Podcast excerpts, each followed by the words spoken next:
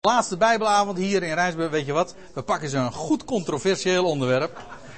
Waar verschillende zich hun tanden op kan, kunnen stuk bijten. En dat blijkt het inderdaad wel te zijn, zo blijkt in de wandelgangen. Hè? Geen knarsende tanden, ja. ja. Maar hoe dan ook, over één ding zijn we het er in ieder geval heel erg eens, gelukkig. En dat is waar we het hier over hebben dat allen levend gemaakt worden. Dat is in ieder geval uh, de hele clue, de hele clue van de boodschap. Waarom uh, ik begonnen ben met dat citaat van uh, Andries Knevel, was nog eventjes de vraag. Dat was, is misschien niet helemaal uit de verf gekomen, want dat ging inderdaad over dat niet kunnen leven met het, met het idee van een eindeloze hellestraf. Terwijl ik het voor de rest daar vanavond niet over heb, dat is ook zo. Maar ik gebruikte dat ook eventjes als opstapje en als achtergrond van een, van die leer van de annihilatie, dat daar wel mee te leven valt. Ik hoorde zojuist een opmerking, ik, plaats hem meteen maar eventjes, hè, voor, voor ik dat vergeet.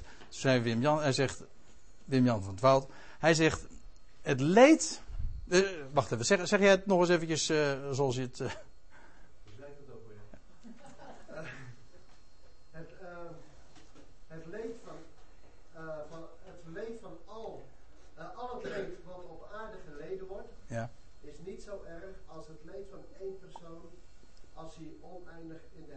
Juist, oh ja, zo was het ja.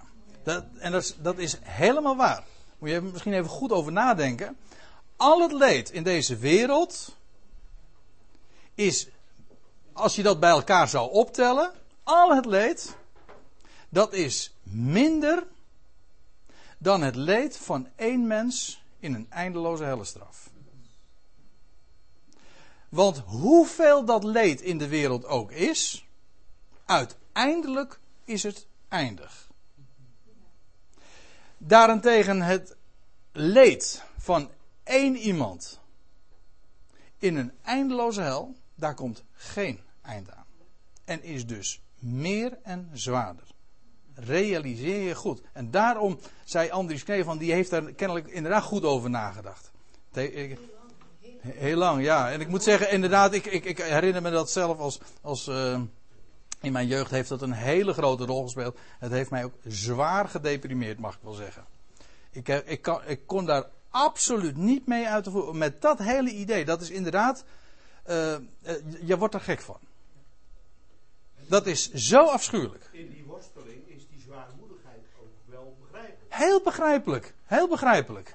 Daarom is dat ook heel eerlijk. Alleen, het is hypocriet.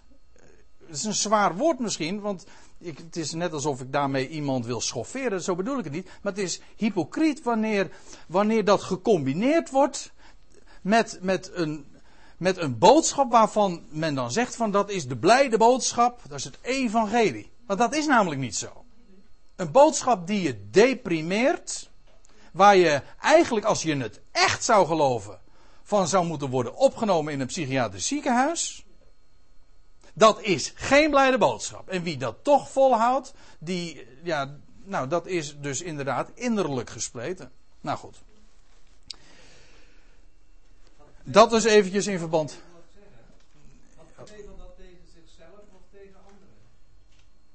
Uh, ik weet niet de precieze context van, deze, van dit citaat. Het kan zijn dat dit in een interview gezegd is, dat weet ik eerlijk gezegd niet. Dat zou heel goed kunnen, ja. Dat, maar eh, voor het verhaal maakt het eh, denk ik weinig verschil. Ja, ja, ongetwijfeld. Ja. Maar dan ben ik zo verschrikkelijk blij dat er een antwoord op die vragen zijn. Dat een antwoord op die vraag is en antwoorden op die vragen zijn. En dat het evangelie werkelijk evangelie is, blijde boodschap. En zo waar als het is dat in Adam allen sterven, zo waar is het ook dat in Christus allen levend gemaakt worden. Let wel, er staat niet, want het is subtiel hoor, want er wordt mee gerommeld en gesjoemeld. Want weet u wat men er soms voor maakt? Dan staat er van ja, zo zullen alle in Christus worden levend gemaakt. Ja, degene die in Christus dan zijn. Staat er niet. Het gaat over allen die in Adam zijn. En er staat niet allen in Christus worden levend gemaakt, maar in Christus allen. Het gaat over twee keer over dezelfde allen. Die tweede allen zijn, is geen ander allen dan het eerste allen.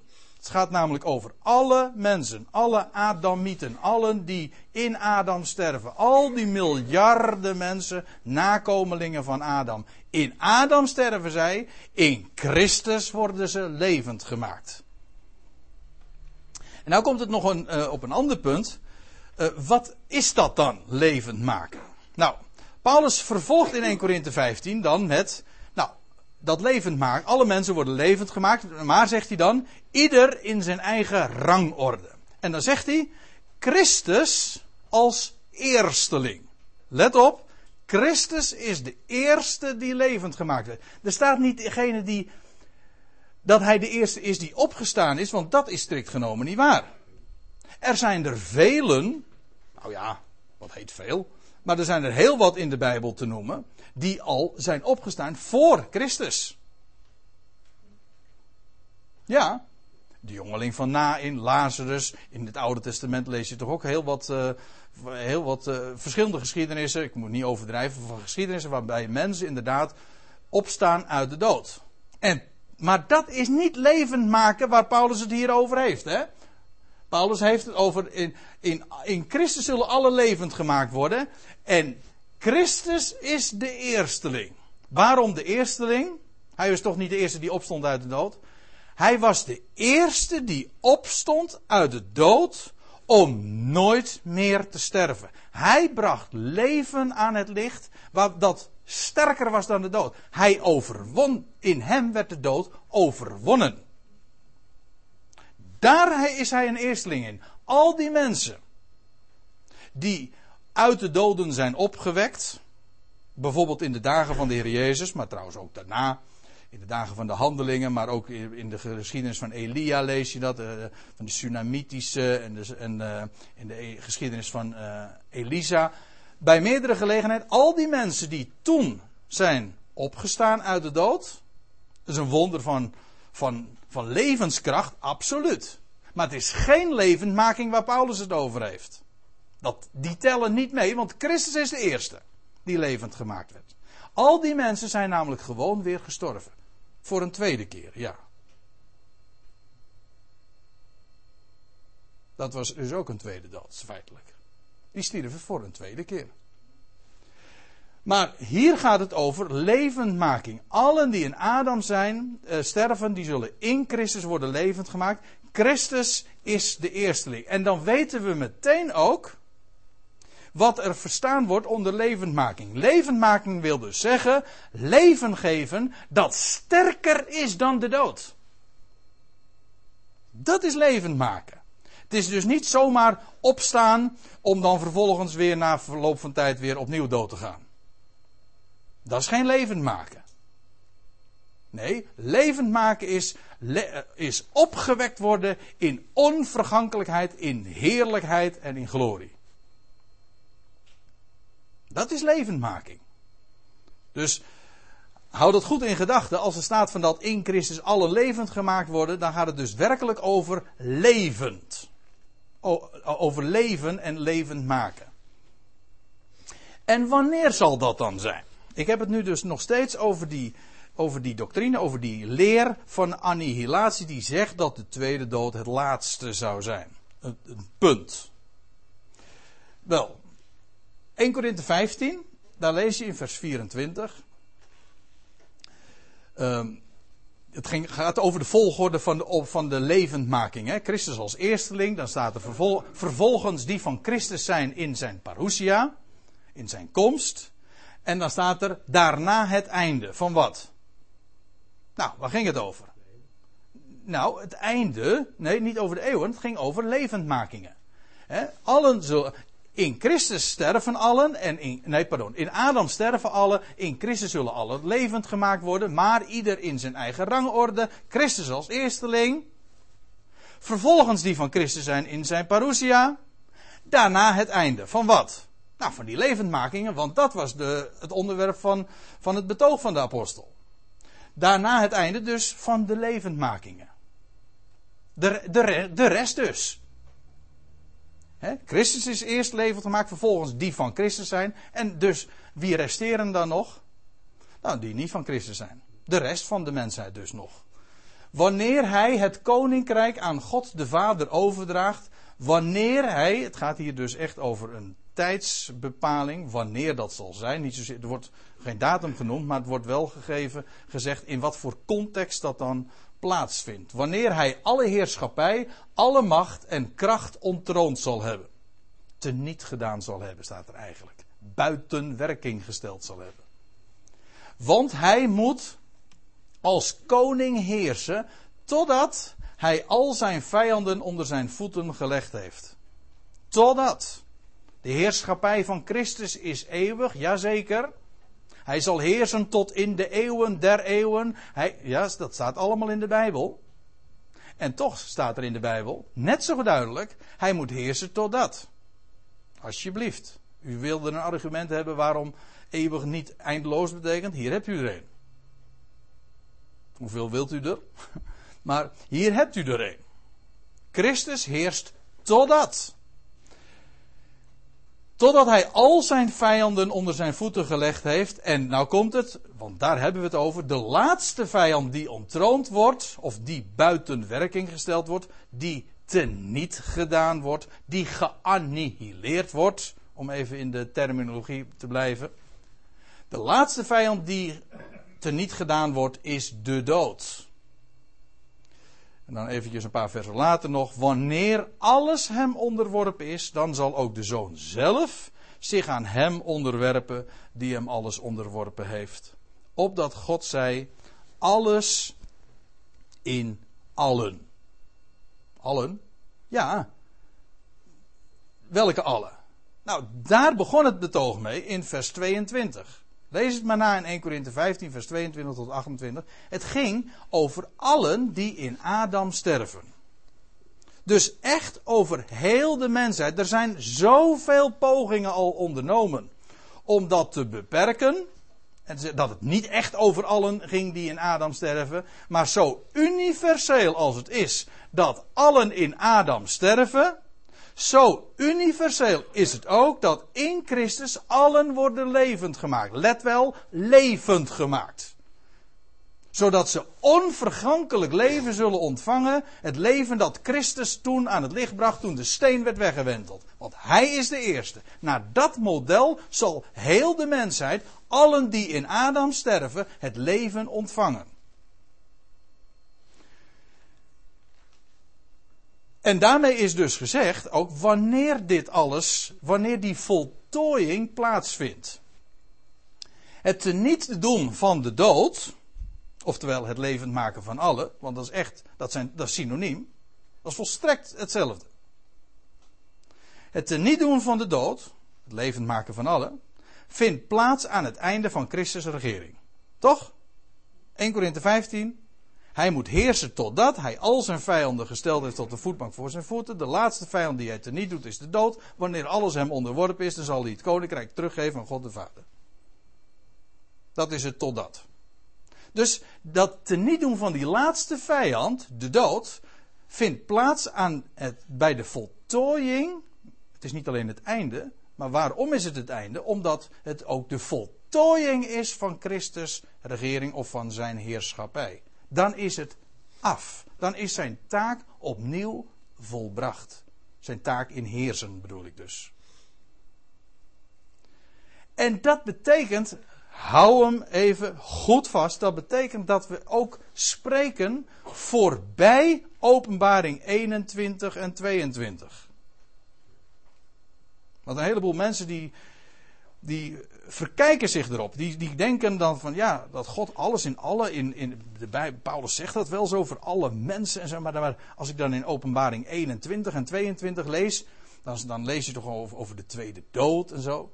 Hoe kan dat dan? Ja, moet u goed lezen, want in openbaring 21 en 22, daar heerst Christus nog. Daar lees je nog over de troon van het lam. Daar lees je nog, en zij zullen heersen, openbaring 22 vers 5. Maar op een, nog een vers, geloof ik, wordt er ook gesproken over zij zullen heersen als koningen. Daar wordt nog geheerst, daar is, daar is dat nog niet teniet gedaan. Dat is nog niet voltooid. Het feit dat Christus daar nog steeds heerst, bij die nieuwe hemel en die nieuwe aarde, die laatste aion, de aion der aionen, zo heet dat in de Bijbel. Hè? Want het is de meest glorieuze tijd die uh, er ooit is geweest. Zal, nog de, de, het zal de aion overtreffen die nog moet komen, van de duizend jaren. Zo geweldig. En toch is het nog niet het einde. Weet u waarom niet? Omdat de dood nog steeds niet niet gedaan is. Nee, als die namelijk wel niet gedaan zou zijn, dan zou Christus namelijk niet meer heersen. Als, die namelijk, als de laatste vijand er niet gedaan wordt, dan is Christus heerschappij voltooid en daarmee ook beëindigd. En dan zal inderdaad het koninkrijk overgegeven worden aan God de Vader. En dan wordt God alles in allen. Dat is dus voorbij de horizon van Johannes in, uh, op Patmos. Hij, hij beschrijft dat niet in Openbaring 21 en 22. En Paulus ziet nog verder.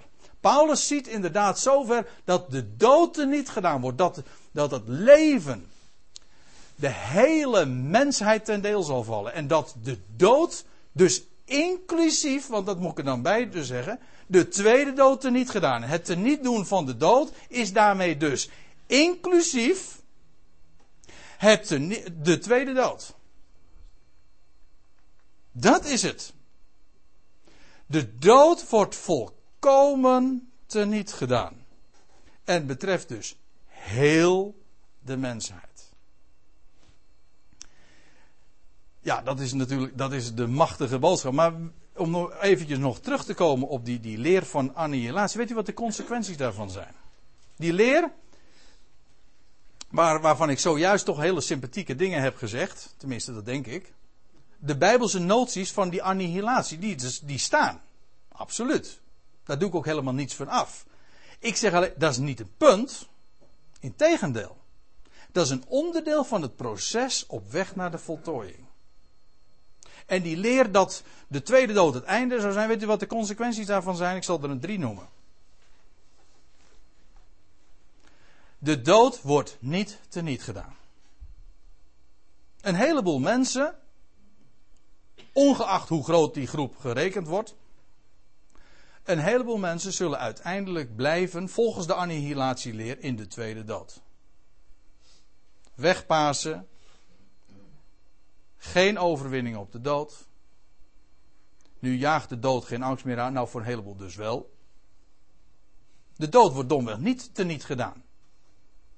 Nee, de Bijbel zegt de Bijbel zegt dat de dood te verzwolgen zal worden in de overwinning. Er blijft niets van de dood over. En dat is in wezen, als je nou aan mij zou vragen, wat is de, de essentie van het evangelie? Ik zal het straks ook nog even laten zien. Dat is de essentie nou van het evangelie. Nou, dat is de boodschap dat Jezus Christus de overwinnaar is op de dood. Maar dan ook totaal.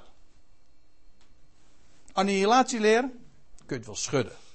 Vandaar die uh, sad smiley. Het verlorene, het wordt nog herder hoor. Het verlorene wordt niet gevonden. Dat is ook een consequentie dus van de annihilatieleer. Vele verloren schepselen zullen niet gevonden worden. Is dat tragisch voor het verlorene? Ja. Maar ik wou eigenlijk nog iets anders zeggen. Dat is vooral tragisch voor de verliezer. Ik bedoel de eigenaar. God zoekt het verloren. Ik bedoel, die herder, die was een schaapje verloren. Was dat zielig voor het schaapje? Ach, natuurlijk. Maar daar ging het niet om. Die herder was een schaapje kwijt. En hij ging het zoeken totdat hij het gevonden had. Dat is het evangelie. God zoekt het verlorene niet totdat het te laat is, maar totdat hij het gevonden heeft. Dat zegt de schrift. En, hij, en in de Bijbel wordt het verlorene altijd gevonden. En ik zeg het een uh, broeder na die hier vaak is. Hij is er nu niet. Maar hij zegt, weet je, uh, ik blijf het een mooie opmerking vinden. Hij zei tegen mij, weet je André, dat er één voorwaarde is om gered te worden. En ik dacht van, hé, hey, dat vind ik vreemd uit jouw mond, want jij gelooft toch? Hij zegt, je moet eerst verloren zijn. Ja, je moet eerst, anders kun je niet gered worden ook kun je gevonden worden ook. Dat is waar. Dat is een, dat is voorwaarde. Het verlorene wordt volgens de leer van de, uh, van de annihilatieleer niet gevonden. Niet al het verlorene. Terwijl de Bijbelse boodschap nu juist is: al het verlorene wordt gevonden. En dat is vooral zo'n goed bericht. Dat is vooral zo'n goed bericht voor God zelf, hè? Want hij is de eigenaar. Hij is de gelukkige God. Hij weet waar hij aan begonnen is. En hij voltooit gewoon dat wat hij zich voorgenomen heeft. Ja, en ja, het kan. Dit ligt helemaal in de lijn, hè? Het verlo God laat dus wel degelijk varen het werk van zijn handen. Schepselen die hij gemaakt heeft, waarvan men zegt, God, men zegt dat in evangelisatiediensten, God houdt oneindig veel van jou. Hoezo oneindig? Houdt hij ook nog van je als hij je vernietigd heeft? En wat, waaruit blijkt die liefde dan? En is hij dan voor altijd gefrustreerd omdat hij dat nooit meer kan bereiken? Men zingt in de kerken en men zingt in gemeenten van wat zijn liefde wil bewerken, ontzegt hem zijn vermogen niet. Dat zingt men toch? En men zegt van ja, God wil dat alle mensen gered worden. Dat wil zijn liefde. Ja, hij kan het niet, want ja, de mens heeft een vrije wil. Als hij niet wil, dan, ja, dan, eh, houdt God, eh, dan, eh, dan heeft God ook het nakijken. Is, je houdt gewoon geen God meer over. Dat is eigenlijk het probleem. Het, het, meest ellendige van het verhaal is niet eens uh, dat het zo triest is voor het schepsel. Dat zou je nog kunnen zeggen bij die leer van die eindeloze foltering en die eindeloze hellestraf, waar Andries Knevel mee zit. Maar bij die annihilatieleer is niet zozeer het probleem van die schepsel, want die is er dan toch niet meer. Maar het probleem is de God die je overhoudt. De dood wordt niet teniet gedaan. Het verloren wordt niet gevonden. En bovendien, het is een God die laat varen het werk van zijn handen. Die daar niet trouw aan is. Die, die iets maakt. En hij, is, hij vernietigt het. Maar, maar God vernietigt nooit iets als hij niet ook in staat is om het weer te herstellen. Moet je eens nalezen. Ja, dat is even een ander punt. Maar ja, ik kan het nog even zeggen, in Jeremia 18 moet u, maar eens, eh, moet u thuis maar eens nalezen. Ik heb het helemaal niet nu bij eh, staan, maar daar, wordt, daar mag Jeremia uh, naar de pottenbakker gaan. Ga, Jeremia, daal af naar het huis van de pottenbakker. Daal af, ja, want het uh, is een beeld van de aarde. Nou ja, daar ga ik nu allemaal niet op in. Maar die pottenbakker, dat is natuurlijk de Heer zelf. Hè? Dat wordt er ook gezegd. En weet u wat die pottenbakker dan doet? bij gelegenheid. Dan, eh, dan staat er van, hij maakt een pot. En op een gegeven ogenblik, dan is dat niet wat uh, wat hij uiteindelijk wil. En dan maakt hij, uh, dan doet hij het weer teniet. En uit diezelfde klomp maakt hij weer iets nieuws. Ja, hij doet het teniet, dat is waar, maar uit, hij maakt vervolgens weer een nieuwe schepping. Niet dat God misbaksels heeft hoor. Of mislukkingen. Nee, alles dient een doel in het hele proces op weg naar dat grote einddoel. Je moet dat altijd. God houdt dat in ieder geval goed in, in de raad, uiteraard. Daarheen is hij op weg. Wij zijn zo kortzichtig. Wij vragen ons af allerlei dingen van waarom dan dit en dat. En daar hebben we geen enkel idee over. Wij ook. Echt, daar hebben we geen idee over. Maar God heeft voor ogen dat waar hij naar op weg is. Nou, en hij is die pottenbakker. Dat, dat is wat Jeremia dan vervolgens ook te horen krijgt. Als zoals klei in de hand van de pottenbakker, zo zijt gij in mijn hand, o huis Israëls. En het geldt trouwens voor ons mensen allemaal, want we zijn allemaal uit dezelfde klomp hoor. ja toch? We zijn allemaal uit dezelfde klomp. Ja, ik bedoel niet die houten dingen die je aan je schoen hebt, maar ik bedoel uit dezelfde klomp klei. We zijn allemaal uit de aarde genomen. We zijn gewoon klei. We zijn gewoon boetseersel. En we zijn ook inderdaad uit die, dat ene klompje voortgekomen, uit Adam bedoel ik dus. Ja. Maar ziet u wat daar mee op het spel staat? Dat het zo essentieel is wat de Bijbel zegt, namelijk dat de dood werkelijk teniet gedaan wordt. Dat is de clue van het Evangelie. Ik kan het u laten zien, 2 Timotheus 1. Christus Jezus staat er, die de dood van zijn kracht heeft beroofd. Ja, dan moet ik even iets zeggen. Zo staat in onze vertaling. Het staat eigenlijk in een aorist. Dat wil zeggen, in een tijdloze uh, uh, werkwoordconstructie. Een aorist, dat betekent zonder horizon. Het gaat er niet zozeer om dat hij het beroofd heeft. In strikt genomen is dat ook nog niet zo. Christus Jezus die de dood van zijn kracht berooft. Zonder horizon. Dat is gewoon een feit. Ongeacht wanneer. Hij, Christus Jezus, berooft de dood van zijn kracht. En brengt onvergankelijk leven aan het licht. Door het evangelie.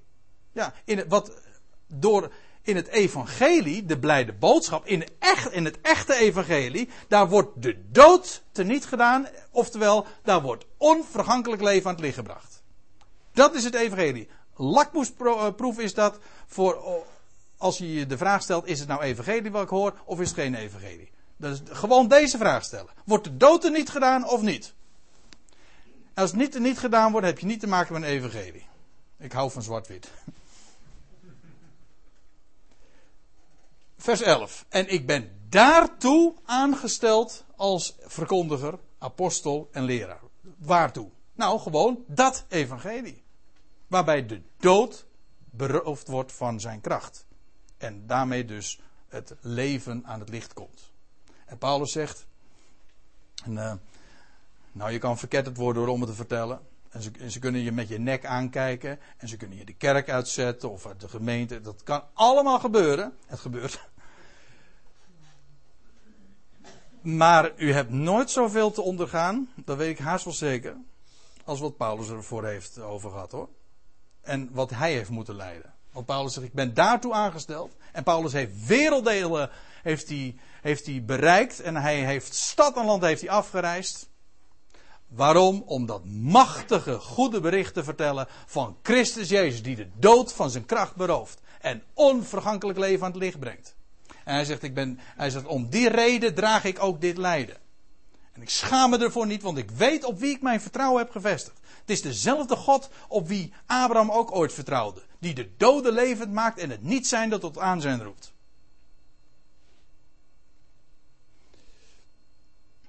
Ja, dat is nog, ook nog een mooie toegift. Prediker 3. Daar, schrijft Salomo, ooit nog eens van iemand anders ook. Ik heb ingezien. Nou ja, het is een verborgen hint, maar het is ook erg duidelijk hoor. Omdat de godheid van God ook zo duidelijk hierin naar voren komt. Ik heb ingezien dat al wat God doet voor eeuwig is, voor de eeuw.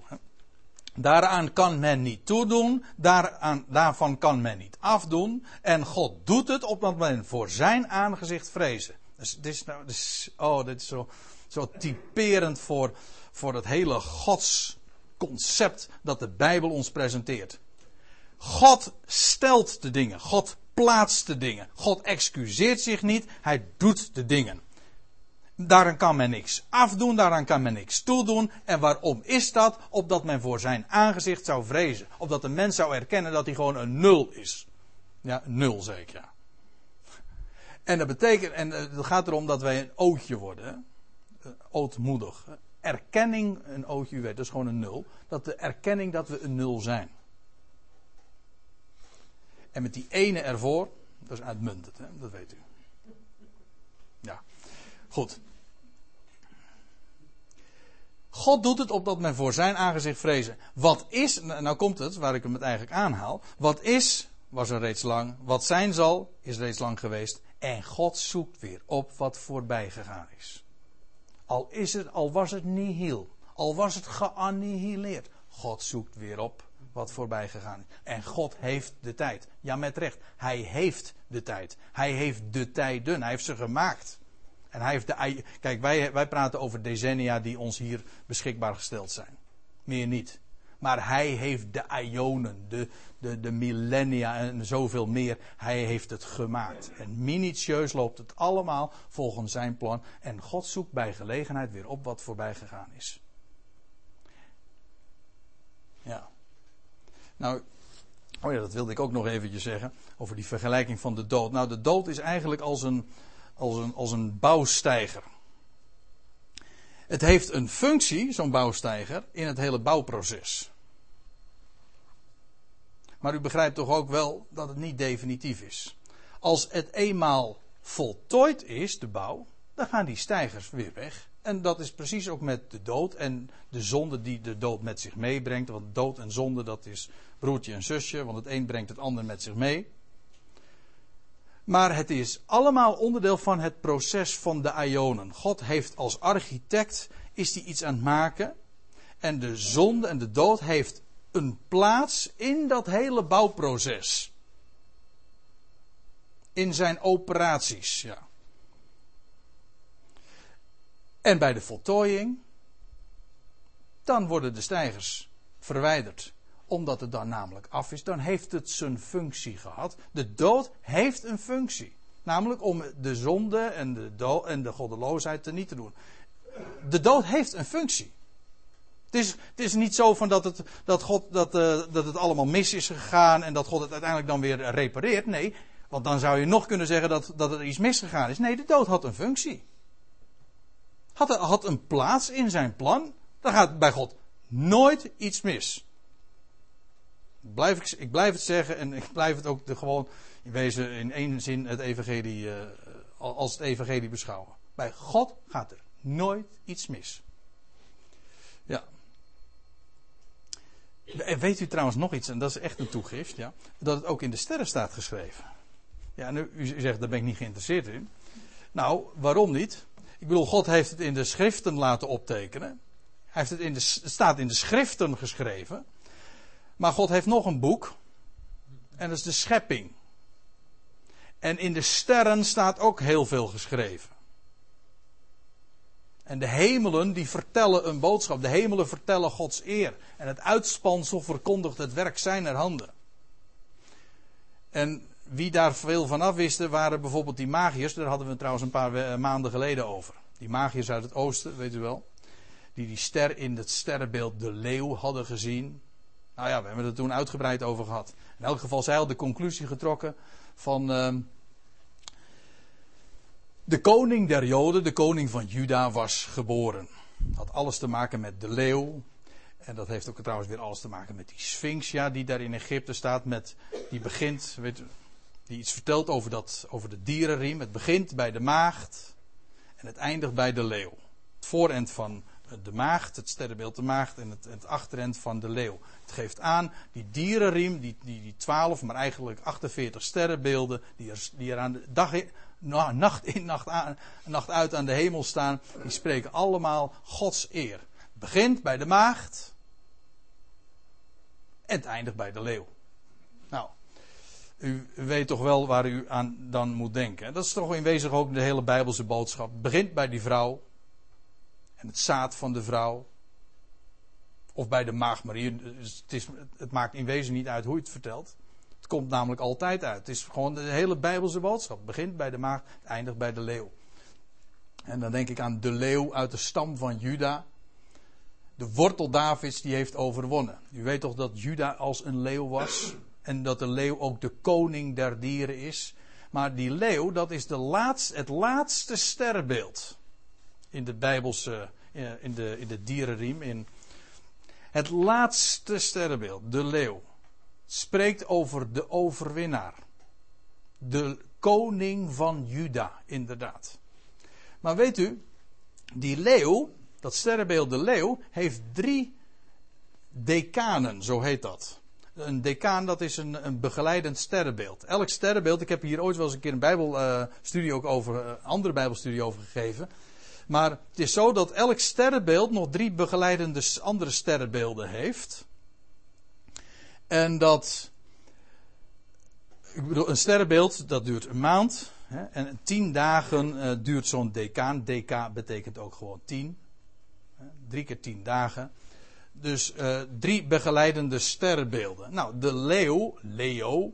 Hè, het sterrenbeeld de leeuw heeft ook drie van die decanen. Moet u, moet even zich realiseren. De leeuw spreekt van de leeuw van Juda, de koning, de, de koning die heeft overwonnen.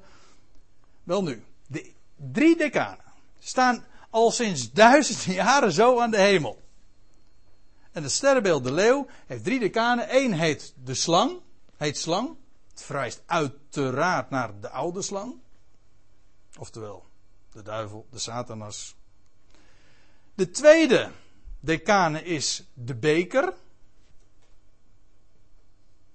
Spreekt uiteraard, zou ik haar zeggen, van overwinning, van de triomf.